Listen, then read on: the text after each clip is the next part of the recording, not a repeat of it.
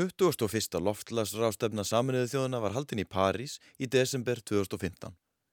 Líkt og allar hinnar rástefnunar sem alþjóðlega ganga undir nafninu COP eða Conference of the Parties voru vandamálinn tvennskonar.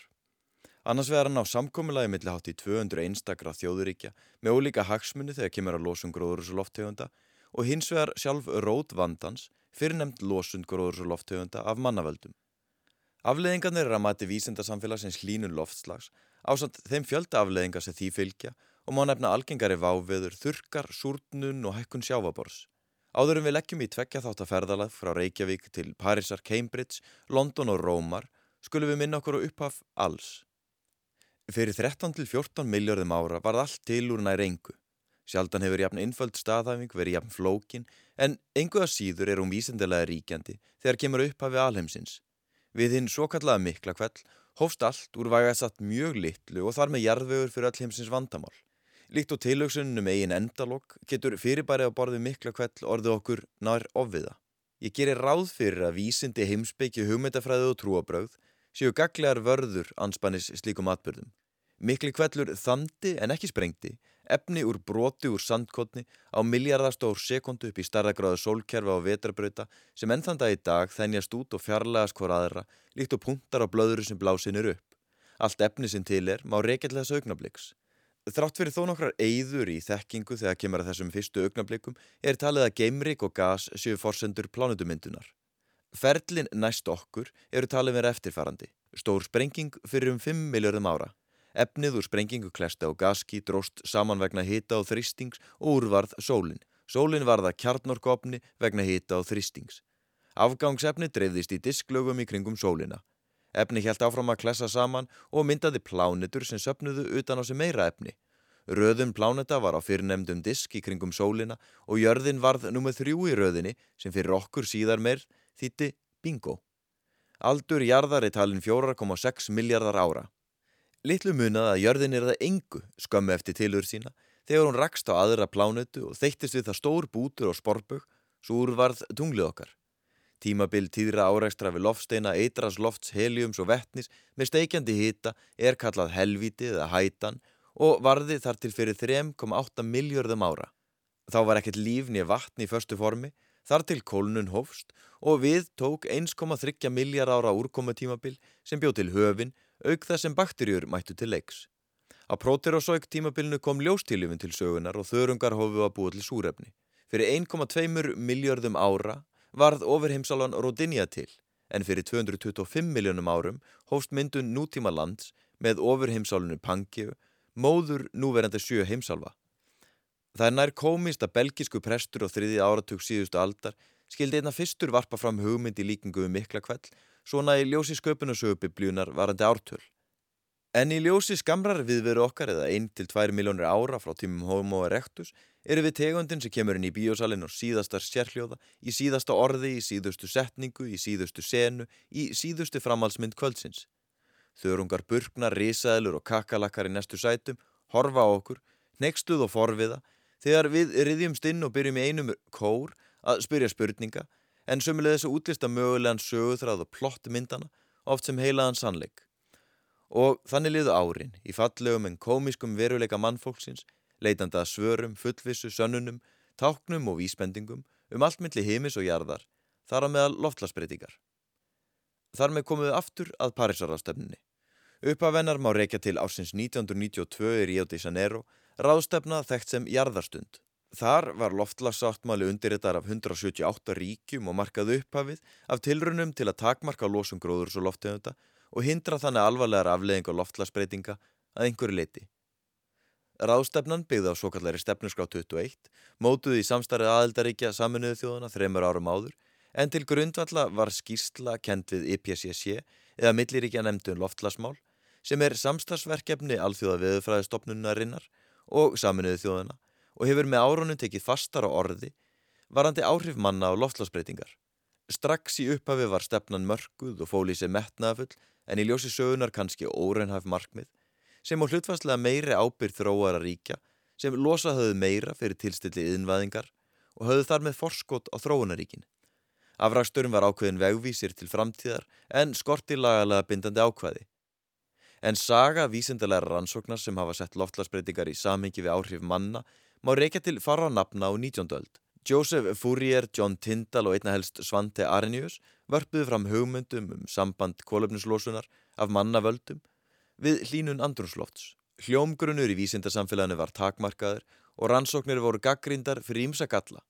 Hugmyndirnar lágu í dvala þar til um miðja 20. öld þegar eldri mælingar á koldvíóksið sem er algengasta gróðurslofthöfund og jörðinni og kemur að miklu leiti frá bruna jarðefna eldsnitis voru settar í samengi við línun. Mælingar voru þó ennof takmarkaðar til að veita skýra mynd. Óvissu þættir voru margir þar á meðal áhrif skíafars og sólgeislunar en spáinum tvekjagráða hlínun á komundu öld voru þá þegar komna fram. Eðlisfræðingurinn Gilbert N. Glass starfaði við tölvu útrekninga fyrir vopnaðinaðin en fann sér tilbreytingu í útrekningum á koldvíóksíkildum. Niðurstaðan var að tvöföldun koldvíóksis myndi leiða til 3-4 gráðu hitaækkun í andrúslofti og miða við þáverandi gildi spáði hann 1,1 gráðu hækkun og öld og komst þar nærri 0,7 gráðu raunhækkun. Þó svo niðurstöðuna voru gaggrindar vegna ímessa annmarka var hér einn fyrsta viðvörnum alvarleika mögulegar loftlagsbreytinga. Upp úr miðri 20. öld fjölgaði rannsóknum ímessa fræðasviða á samt viðameri og betri mælingum.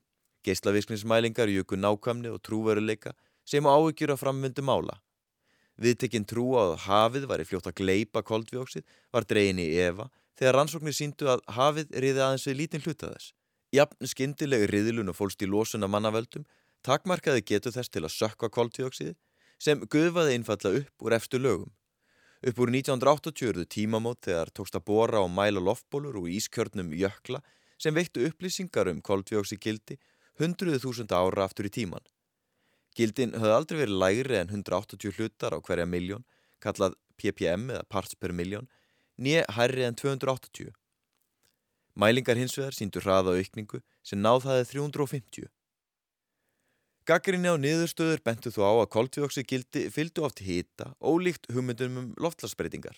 Það voru svo kallað Milankovits sveiflur, tengdar halla, jarðar og sólgeislun sem áttu þátt í að setja slíka breytingar í samengi með tilliti til ísalda og hlýskeiða en við aukin hita losnar meira koldfjóksi úr sjó og veldur keðiverkun.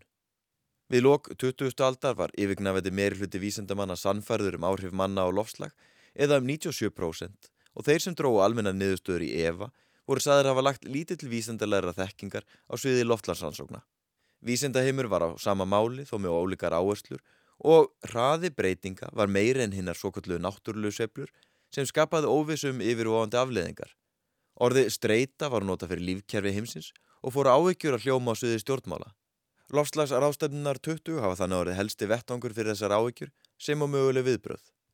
Tilvonandi för mín til Parísar væri tengslu við vinnu fyrir umhverfisljósmyndaran James Balog en síðastliðin 12 ár hef ég komið að gera ljósmyndaverksins Extreme Ice Survey sem skrásettur hóp jökla á Íslandi og víðar. Afrastur verksins byrtist í heimildamindinni Chasing Ice sem miðlar lofslagsbreytingum á sjónrannan hátt. Markmið okkar í París var að miðla myndefni af hröðuhópi jökla, sækja fundi og skráseti hennu ymsu þættir ástöfnunar í myndum. Fram að brottföru skinjaði umhverfi og samfélag út frá kólefnislósun þar sem allt hlauta hafa mistóra einingu. Bílar, flugvilar, innflutningu vöru, skórækt, þurkun, mýrlendis, græna orkan og alverin, sólalandaferðir og jarðafarar á vestfjörðum, túrismi og fiskveðar, grænar vottanir og endurvinnsla, súrtun sjávar og snemkomin lóa. Við matarinköpum velti ég fyrir mig kólöfnislósun ólíkra matvala, nokkuð sem kemur hverki fram á merkingum eða í verði. Auðfundnar töflur og tölur yfir lósum gróðurs og loftegunda og vassnótkum við framleiðslu ólíkra matvöru setja mataræði nýtt samiki. Þessi bönir, ávextur og gremmiti eru með lægstu kólöfnislósun á hvert kíló en kjötvörur með lambakjöti efstasæti felur þessi tífalt meiri lósun. Slíkar alþjóðlega tölur felur þessi framleiðslu, vinslu og flutning svo varast bera hinfæra á öll lönd. Þannig er flutningur innlendra kjötveru á Íslandi vissulega mun minni en frá útlöndum en niðurstaðan er þó svo sama.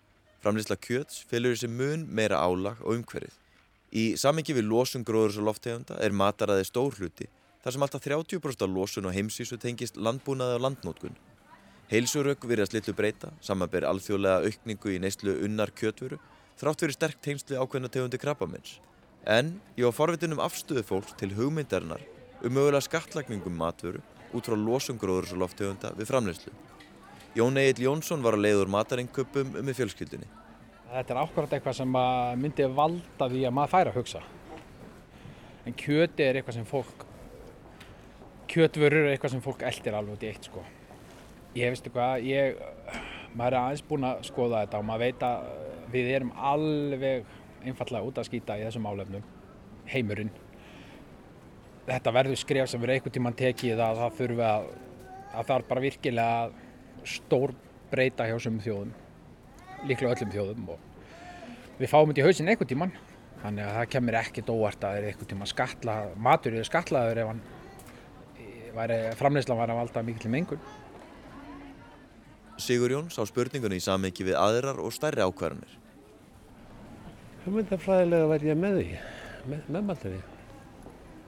Það er svona sipað og, og maður notar olju í stað fyrir bensin eða eitthvað slíkt að ég geti með dísilbíla því að hann mengaði minna.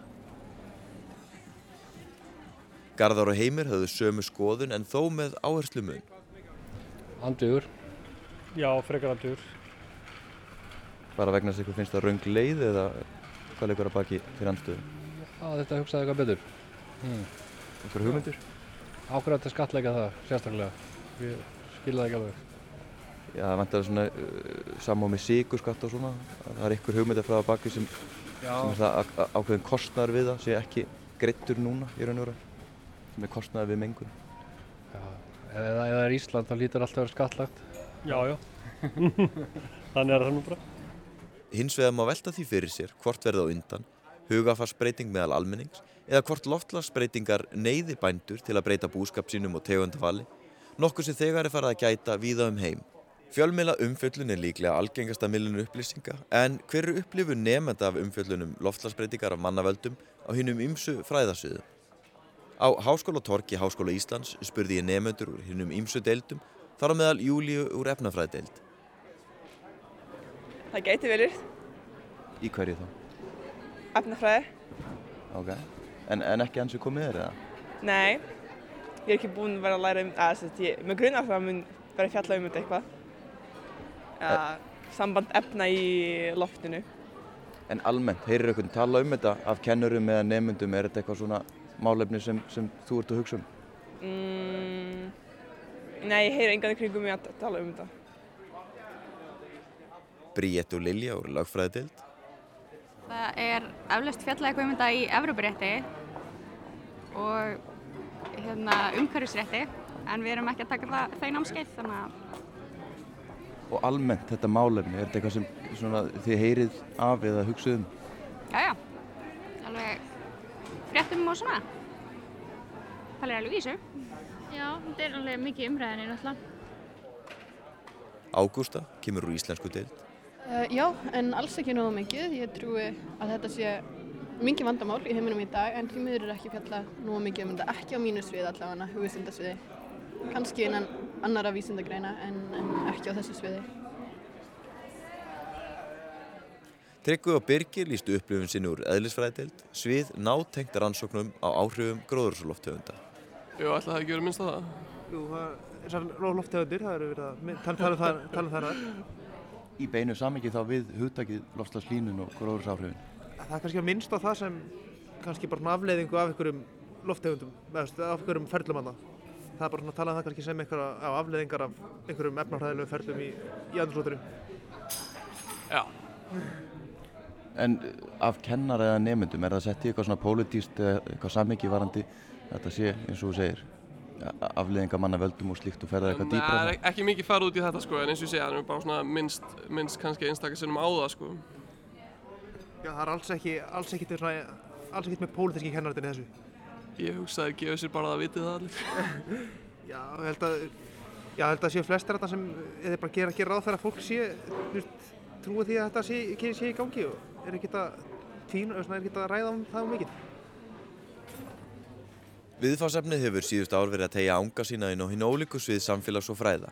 Ferðamálafræði, stjórnmálafræði, félagsfræði, líf og umhverfisvísindadeild, guðfræðileg siðfræði eru aðeins brota af þeim fræðasviðum sem hafa á einhvern hátt gert loftlagsbreytingar að viðfársefni sínu og að sjálfsögðu raunvísindasvið, þar sem vísindamennar borðið Helga Björnsson, jöklafræðing, hafa vakið aðtekli á alvegleika loftlagsbreytinga. Meðal ábyrjandi ratta í umræðu líðandi stundar er Guðni Elísson, profesor í bókmentum, En skrif hans um loftslagsbreytingar hafa falið í sér áleitna spurningar um siðferðislegan og pólitískan vanda jarðefnanótkunar, umræðu hefð og viðtaka afnötun vandamálsins. Einn þeirra sem hefur verið í framvarðasveit miðlunar vísendalags fróðuleiks um loftslagsbreytingar er Haldur Björnsson, hópstjóri veðurs og loftslagsbreytinga á veðustofinni, en á samt starfi sínu reglulegum fyrirlestrum og ráðstöfnum skrifaðan bókin á gróðursáhrif og loftslagsbreytingar. Við vorum báðurlega til Parísar en aðeins annar okkar með áratöða sérfræði þekkingu í farteskinu. Já, aðkoma okkar á viðstofunni tengist aðalega verkefnum um aðlögun að loftslagsbreytingum og þetta er semst svona eitt af þessum hliðarfundum sem að eiga sér stað þarna þar sem við erum að fara yfir hvað við erum að gera og reyna að læra af reynslu annar um hvað þeir eru að gera til þess að bregðast við afleðingum loftslagsbreytinga. Sko við höfum unnið að aðlugunarverkefnum í raunum árum og áratöfum saman sko. En, en á mismöðandi vegu við höfum verið aðalega einbeitt okkur að, að, að efnahagsgeirum, innviðum sumum. Og þá framanna var það nú aðalega með orkufyrirtækjum og þá sérstaklega landsvirkjun skoða reyna að leggja mat á bránum jökla hversu mikil hún er því og þá tekur landsvirkjum þar upplýsingar og nota það inn í sín reynslis líkon og, og, og gerir síðan sínir áallanir miða við það að, að, jöklar þessu ákvæmlega líkur á jöklabráðinni svo og svo mikið. Síðan eftir það síðustu ár þá erum við verið að færast meira yfir í aðra hluti, náttúruvá, tengda loftasbreytingum, breytingar allans flóðatíðinni og, og svo með öðrum höfum við rætt en kannski ekki unnið mikið í uh, mati á breytingum á gróðurfari og slíku en það í sjálf og sér gæti farið að vera mögulegt að gera eitthvað slíkt. Sko loftsbreytingar á Íslandi munu náttúrulega hafa áhrif á, við vitum það, þær hafa áhrif á mjög marga þætti þjóð, svona sem við kalla þjóðlífs í, í mjög breyðum skilningi. En við tölum bara um efnagslega innviði, þá erum við náttúrulega að tala um, já þess að ég myndist á aðan, það er orku, orku fyrirtæki, við erum að tala um, um hérna samgöngur, sjáum það til dæmis hvernig þegar jöklar hópa þá breyta árum farvegi og það er nokkuð dæmum það og það er dramit, dramatískast að þessa, ár, þetta árið eða, eða þessa stundin er náttúrulega hérna, skeiðar á eða brúin þar yfir sem, að, sem að er ekki, er óþærlega stóri eins og stendur. Við getum líka nefnt hérna hlín, í kjölfar hlínunar þá yfir eitt ekst framlegsla gróðurs hér á landi og hérna það er sagt, eitthvað sem að þá horfir til raun og veru betri vegar fyrir landbúnað en á sama tíma þá kemur upp ný tegund af náttúruvá sem við höfum lítið þurft að sinna. Það er hægt á skóareldum við höfum fengið þegar einn slæman sinueld eða kærreld sem að var í hérna á mýrum. Og það er raun og veru er áhjákvæmulegt að það verði aftur einhverji slíkir eldar einhver staðar á því svæði það sem er að vaksa upp verulegt kærr og það er hætta dál til á þessu af því að þetta er oft hérna sumarbústæðarsvæði þannig að það getur orðið nokkuð tjón ef þannig gerist. Þetta er eitthvað sem henn hafa farið nýlega að skoða og það eru svona hlutir og svona alltaf má ekki gleyma því að súrnun sjávar hefur mun öruglega hafa áhrif á vistkerfi sjávar og hérna og við vitum raun og verið ekki mikið um hverja þær aflega verða en þær verða líklega ekki mjög góðar. Hlínun sjávar hefur aftur áhrif á, á svona samsetning, tegundasamsetningu við fengum makríl hingað upp að landinu sem var án efa tengdur hlínun uh, makríl hefur áður sérst hérna við landið þegar það er hlýtt. Á sama tíma eru aðra tegundir sem eru frekar kaldsjávategundir eh, lóðuna eða dæmið það sko. Þannig að hlínunin hefur áhrif á hana. Þannig að veist, það eru ímið svona aðtreyði við í sjálfu sér sko skoðum ekki nema lítan hluta þessu. Við skiptum eða það eru aðrir aðalar sem vita meira um, um, um, áhrif í sjó. Það er alltaf hafrannsangastofnun er, er fannamst í því Uh, við hins vegar reynum að fókusa meira á þessa náttúru þætti tengda vatni og veðri sem eru þeir sem að okkar stofnun hefur mest ábyrg gagvart þá er það um jökla afflóð, úrkomi vatn og þannig viður Ég spurði hvenar hafið farið að bera á málefnum loftarsbreytinga í starfsemi viðstofunar Sko þetta byrjar merkilega snemma, þetta byrjar upp á 1980 þá er mann strax fannir að ræða þetta og Pál Bergþórsson til dæmis var hann að skrifa greinar um þetta þá. Þannig að það að sko velta fyrir sig hvað mun hlínunin, hvað mun hlína mikið og hvaða áhrif það mun hafa það er þegar svona þryggja áratuga gamalt á, á, á Íslandi. En það kannski fyrir ekki að koma verulega þungi þetta fyrir neitt tíma svona um 2045 sko. En fram að því höfum við samt verið þó nokkuð verkefni í gangi. Og hérna en, en, en það má segja það síðustu svona eftir eftir miðjan síðasta áratug þá, þá fór að færast verulega þungi í þetta. Ég hef aldrei verið í því umhverf að gera ekki ráð fyrir þessu þannig ég á volið erfitt með að segja til um hina sko. þetta er bara eitthvað sem við vitum að, að mun gerast og við erum raun og veru sko endalust þegar mann er að, og mikill hlut okkar vinnu tengist þess ekki neitt, þetta er bara viður spá og bæta viður spá líkon og svona en þá er þetta alltaf svona eitthvað sem mann hafa í kollinum við erum að finna útlínur jökla til að setja inn í líkanið núna þá myndum við strax hugsa með okkur ok, við ef við gerum þetta hvernig getum við uppfært að þeirra jöklinn þeirra saman? Fyrir ef við værim ekki að gera ráð fyrir því þá myndum við ekki hérna, vera að hafa ágjör í þá myndum við bara setja inn og hugsa með okkur þetta er svona í eitt skipti fyrir öll en núna vitum við að það verður ekkit í eitt skipti fyrir öll það þarf að uppfæra þetta. Sko það er engin, engin vafa á því. Það er líka, sko, það er, þetta, er, þetta er eitthvað sem er svo laungu afgreitt í vísindarsamfélaginu þannig að pínlítið eins og þetta spurja landfræðing er þú að tekna kort, ertu virkilega að gera það fyrir að gjöra þessu kúla? Sko. veist, það, umræðan er alls ekki er þetta að mannavöldum eða ekki? Umræðan er einfallega hversu mikil eru áhrifin og hversu hröðverða þau og síðan hverja verða afleðingarnar og er, þetta með afleðingar er ofta eitthvað sem er miklu erfæri að sjá fyrir. Loftlasbreytingar, hlíunjörðar er eitthvað sem í prinsipin er hægt að reikna út. Í ljósið þess að starfsemi veðurstofunar byrtist flestum í hefðbundnum veðurfrettum sem fjallum veður líðandi stundar í stað langtíma loftlasbreytinga spurði ég í hvað formi þessari vittnesku væri miðlað. Eins og segir við miðlum auðvitað í veðurfrettum að slíku en, en auðvitað þá er líka ákveð miðlun sem er hjá okkur bara í, í í formi skísluna og ímislegs annars. Og það, en það er mjög oft til einhverja hagsmunnaðila, það er að segja við vinnum einhverja skíslu fyrir einhvern aðila. Hún er ofinbært gagn, hún er kynnt fyrir þessum aðila og við kynnum síðan niðurstöðning kannski á VF okkar eða eitthvað slíkt og einhverjum ráðstöfnum en það er ekki af því hún er ekki skrifið fyrir almenning eða, eða þá er ekki farið og sagt hérna, í alla skóla landsins og bent á hann eða eitthvað slíkt sko það hins vegar, það lekur mjög mikið út það er að segja, þetta leiður þetta komið á vefinn þá fer maður að fá fyrirspurnir, getur við útskýrt þetta betur eða getum við megum við nota þetta hérna, getum við ekki fengið afrið þessari mynd hérna og svo framvegið sko. Hérna það er vel þekkt að eitt af því sem að fólki finnst alltaf verið að hafa ekki nægur upplýsingar sko. og við erum öruglega, maður öruglega hægt að segja, við getum stað okkur betur í að miðla upplýsingum um þetta. Á internetinu má þó finna fjöldan allan af upplýstum og mjög vel lesnum einstaklingum sem eru virkir á umræðuvefum um málefnið. Hins vegar tilur haldur að áherslur og lausnir við vandanum fara á köplum út fyrir heilbriða skinnsemi. Og, og ég hef séð til dæmis þar ákveðin hóper sem ég hef gaman að fylgjast með sem er hræðir sjálfan sig, taldum við ekki sko, þeir eru yfirleitt búinir að spá heimsenda minnskosti fyrir morgunkaffi einu sinni og, og svo þegar mann gera mikið af þessu þá verður mann ofsalega hrættir og það, það er í sumi sko þegar mér ráðum mjög hrættir þá faraði líka komið hugmyndir um að leysa vandan og þær hugmyndir eru verri en, en sko vandamáli finnst manni stundum. Þá til dæmis dæmum fólk sem vildi fara að auka stórkostlega losun á, á sulfur uh, í á norður Ísafsvæðinu til þess að draga úr bráðnun hérna, Ísællunar hefísins. Það er algjörlega, var algjörlega óljóst að þetta myndi nokkuð hafa neina áhrif sko. Ég reyndi nú aðeins að benda þeim á að sko, það skiptilega þessi engum alveg að gera þetta vetri, það bara skýn ekki nóg mikið sól. En þeir hefðu nú lítinn áhuga á, fólki sem var mótmálaði. Svo reyndar gerist það að sko, það, við fáum þetta góðs í hólurhrauninu og þá kemur alveg ábáðslega mikil súlformengun þar sko og hún hafði akkurat engin áhrif.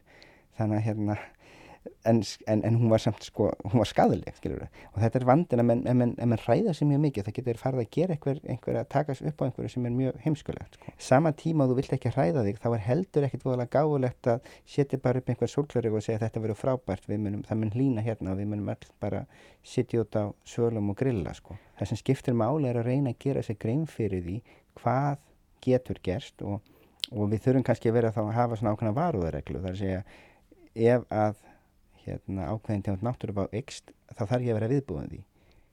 Það er alltaf alveg augljóst að í þessu sviði sko, það sem það hefur ekki gest er það að menn hafi bara snúið sér aftur að spá fyrir veðri og leysa þau vandamál. Hitt hefur tekið, fengið sífælt meira, meira vægi.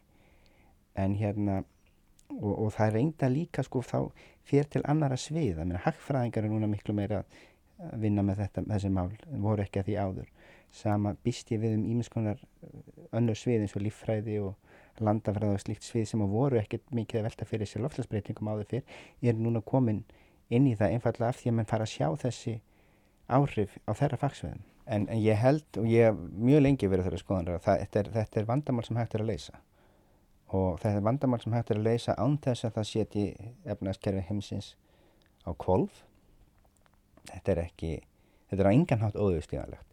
Það sem við þurfum er auka fjárfestingu í hreitni orkutækni og raun og veru gefa þeirri tækni sem að losa lítið á hvaða, hvort sem við erum að tala um í orkuframlegslu, í bílum eða eitthvað gefa henni raun og veru svona ákveðin forgang og þá mun markaðurinn sjá um að gera þetta sjálfkrafa.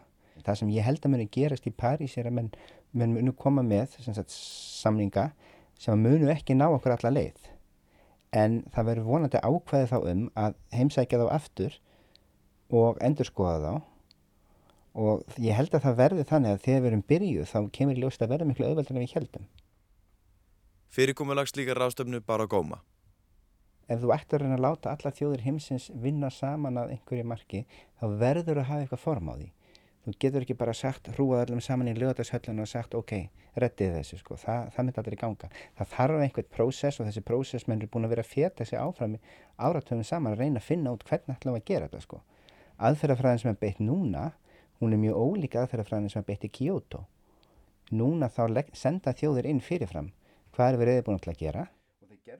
Við munum koma að markmiðu þjóða í setni þættinum en ég spurði Haldur hvort einhver ráðstafna stæði upp úr í ein minningum allra, allra vesti fyrirlöfstu sem ég nokk tíðan flutt var um þegar ég var í doktorsnámi og hérna hann var á alveg vonlausum stað um efni sem hann var sko fundur hérna, mjög frægur vístamæður að flytja á nákvæmlega sama tíma svo kallar plínari eða, eða aðal erindi um nokkurn veginn sama efni í öðrum sál sem var alveg frábært. Og auðvitað fóru sko allir þangað og við vorum þrýr eða fjórir þar sem ég flutti mitt erindi fyrir hýna sem átti líka flutti erindi. Og hérna þetta var svona versta skipalag sem að ég hef nokkuð tíman hérna vitað og ég var reyður bara út í þessa borg í mörg ár eftir á sko. En hérna á sko fyrir mér er alltaf allt sem er betra en það, það er í lagi þetta var algjörlega nullpunkturinn sko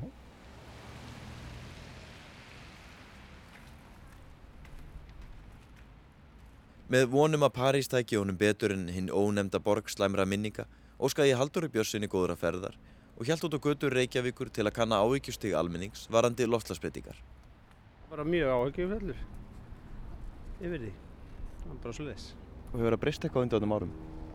Já, eftir því sem að meiri, meiri staðrindi koma á, á borði þá er hérna, þá hérna, og manni finnst í rauninni aðgerðinar ekki nægilegar til þess að sportna við því. Ég held að sko, það sé að snúa þessu við ef fólk bara fengist til að taka, taka, taka saman höndum í, í, í, í þessu sambandi alveg svo bara í öllu í þessu samfélagi það þarf að taka, þarf að taka á fullt af máli sem að það veist e, þó að margir af áhuga á því það verður samt að vera mjög erfitt að ná samstöð með fólk til þess að, til þess að gangi í þessa hluti sem það þarf að laga. Sko í skamtíma ekki mjög áhugjuföldum en ég held að þetta verður svona með stærri málum sem við stöndum framifyrir held að þetta verði sagt, held að sé einstæðst, stæðsta einstæðst ógnir sem við sjáum. Og kemur til einsum hlutum eins og við sjáum núna flotta fólks frá svæðum þegar þau verður óbyggileg. Fólk deyir ekki úr hungri þegar þetta er löðalegt Ég maður bara sé badd þá var uh, talað um að að um þetta leitið er þið effilturnin og kafi það hefur nú ekki ennþá gerst þannig að er þetta ekki bara náttúrulega sveiflur, ég hugsa það nú Ég hef bara miklar huggjur á því Þú er miklar Það er svo einfalt. Og hefur það breyst í gegnum árin? Nei, það er að segja að það er bara vaksið. Áhyggjur, meðvitund og trú á veruleika slíkra breytinga eru þó ekki sama sem merki við beinar aðgerðir. Vestranna lífstílsfyrirmyndin sem nú er ís í Kína og fleiri fjölmennum löndum er eins og við vitum orkufreg og vekur upp spurningar um hvort breytingin að vera í nýjum orkugjöfum eða fremur að minga orkuþörf sem byggir á nótkunn vélknúna faratækja, órunhafi mataræði, ferðalögum og sífældri endur nýjun og hlutum. Með núverandi áframhaldi virðast hænusgref breytinga fjarrið þeirri byltingu sem þörf er á í þessum málum. En síðar um kvöldi snýrust áhugjur heimsins og einn veg þegar vítakar hriðiverk árusir voru gerðar í París. Speaking to witnesses, I spoke to one man who is a tourist here.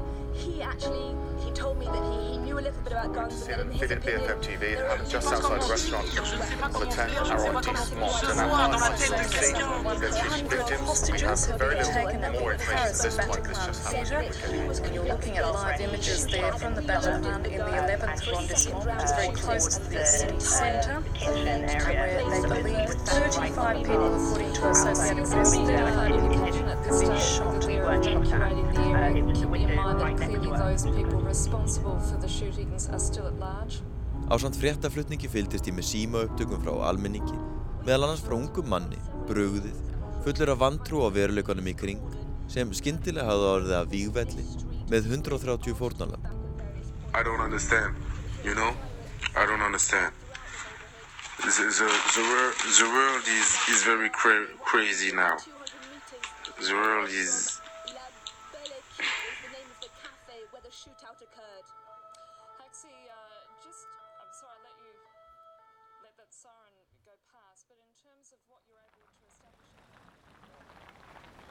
Daginn eftir spurði ég erfiðra spurningar á götum úti, en mikilvæg í ljósi þessa forgansröðun málefna getur gjör breyst við slíka atbyrði. Voru áhyggjur fólks á þessum tíma meiri af hriðiverkum eða loftlagsbreytingum? Uh, ætli ég verði ekki að segja hriðiverkum. Mér finnst það eitthvað neginn, mér finnst það eitthvað neginn nær. Allavega, veit, með umfjöldun og fleira. Það hljómaði allavega nær. Ætli loftslagsbreytingan það sé ekki svona í starra sammyggjum? Hó, ég hef nú alltaf haft meiri áhyggjur af loftlagsbreytingunum heldur en hinnum. Hitt er eitthvað sem ég heldur getum gert meira í sko, svona strax nú. Hitt er aftur eitthvað sem við erum búin að vera að skemma og þurfum að finna út hvað við erum að gera í því. En... Já, ég held að segja eiginlega bara samanlega. Já, líka mikið. Ég hef nú ekki miklan áhyggjur af loftlagsbreytingunum af því þetta er alltaf ringrá sem kemur aftur og aftur. Að þetta hefur alltaf gerst í gegnum árin til dæmis eins og þegar skaftoreldendu voru 1784 að þá kólnaðum allan heim út af allir öskunni sem að, sem að fjall bæði yfir landið og það. En hriðverkinn? Það eru svo hræðileg, ég get ekki talað um það. Í augnumleikinu myndi ég nú segja hriðverkum. Hriðverkum? Já, allan eins og staðan er í dag, akkurat bara það sem gerist núna í gær þá er maður eðlilega að pæla eins meiri því núna. Niðurstöðunar aðeins áminningum að einstakir atbyrði geta gjör breytt sín fólks á tilvöruna og hver vandamálinn sjöu. Stríðisátök skikja á flest annað, kvaldir vetur sannfara fólkum fjárstæðu lofslagsbreytinga og óttinum eigið líf og öryggi ljósi hriðiverk árasa á sér staði núinu. Afleðingar slíkra árasa eru greinilegar, skýrar, hryllilegar og gerast samstundis með skot og sprengjukvellum þar sem fólk síst á vonu.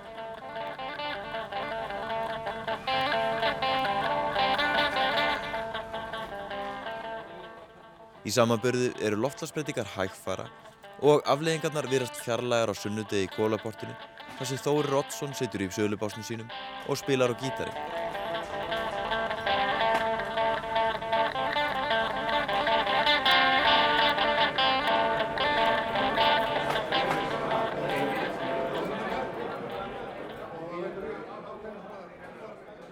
Degi fyrir brottfyrir mín allir Parísar var ég á samt fulltrúum yfir 100 íslenskra fyrirtækja í höfða þar sem undirskrift vilja í vilísingar um að minka losum gróður og loftöfunda átti sér stað.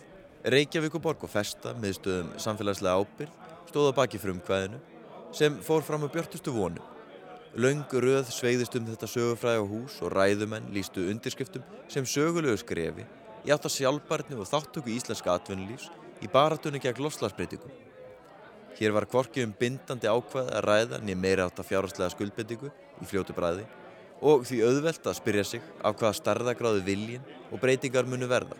Að byrta árangur markmiða verður ábyrð fyrirtækja og því leita einhverju ofnberi byrtingu enn sem komið er þó festa stefnaða samrændu formi sem fyrirtæki geta nýtt sér.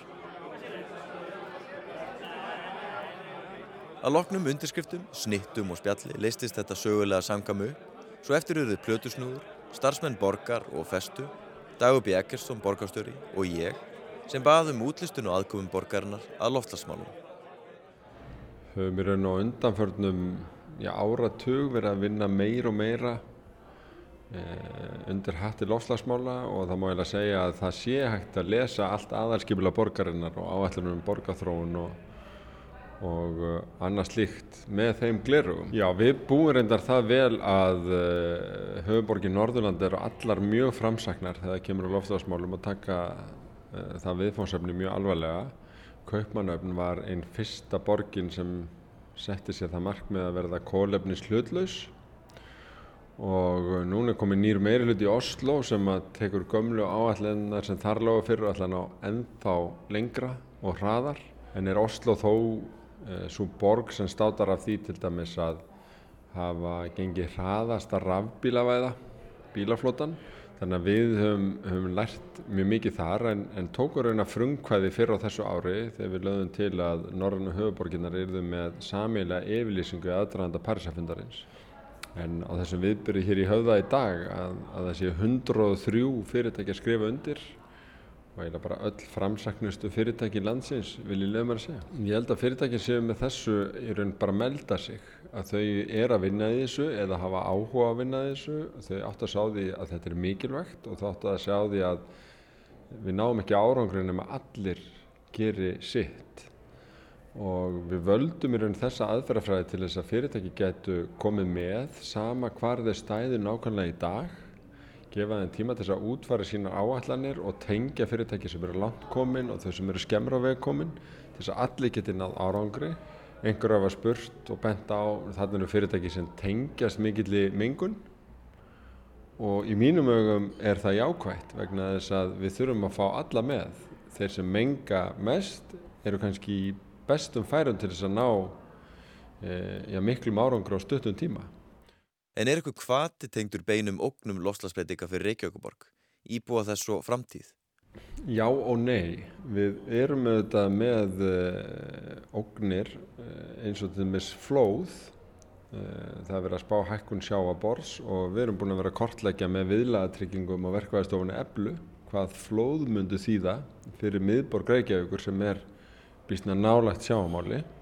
Þannig að það er nú eitt en ég held að stóra stóru ógnirnar fyrir Ísland og bara hagkerfi hér og, og byggði í landinu séu tvennar, annars vegar eh, að þá ef að, að lofslagsbreytingar hafa áhrif á ströymakerfið í hafinu, til dæmis golfströymin, að þá getur það auðvitað haft gríðarlegar afleiðingar. Og svo nummið tvö eh, sem er kannski nýra í umræðinu að það er súrnun hafsins og við hefum mjög mikið undir þetta hafinu fyrir utan það að vera bara mikilvæg hluta vistkerfinu fyrir heiminn allan.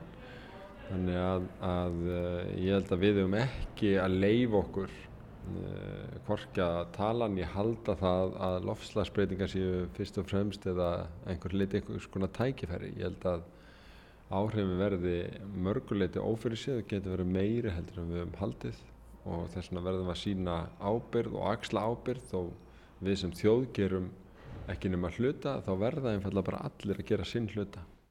Og þar með var komið að brottför til Parísar. Framöndan hjá mér var þryggja vekna tímabili kringum einn umtalasta viðburð í sögu loftlasmála, haldin í skugga hriðiverka árása, með bann við ofnberum samkomum og mótmælum, en umfram allt með vonum árakursíka niðurstöðu. Það var komin tími til að reyna að bjarga heiminum aftur í 21. sinn. Somewhere over the rainbow,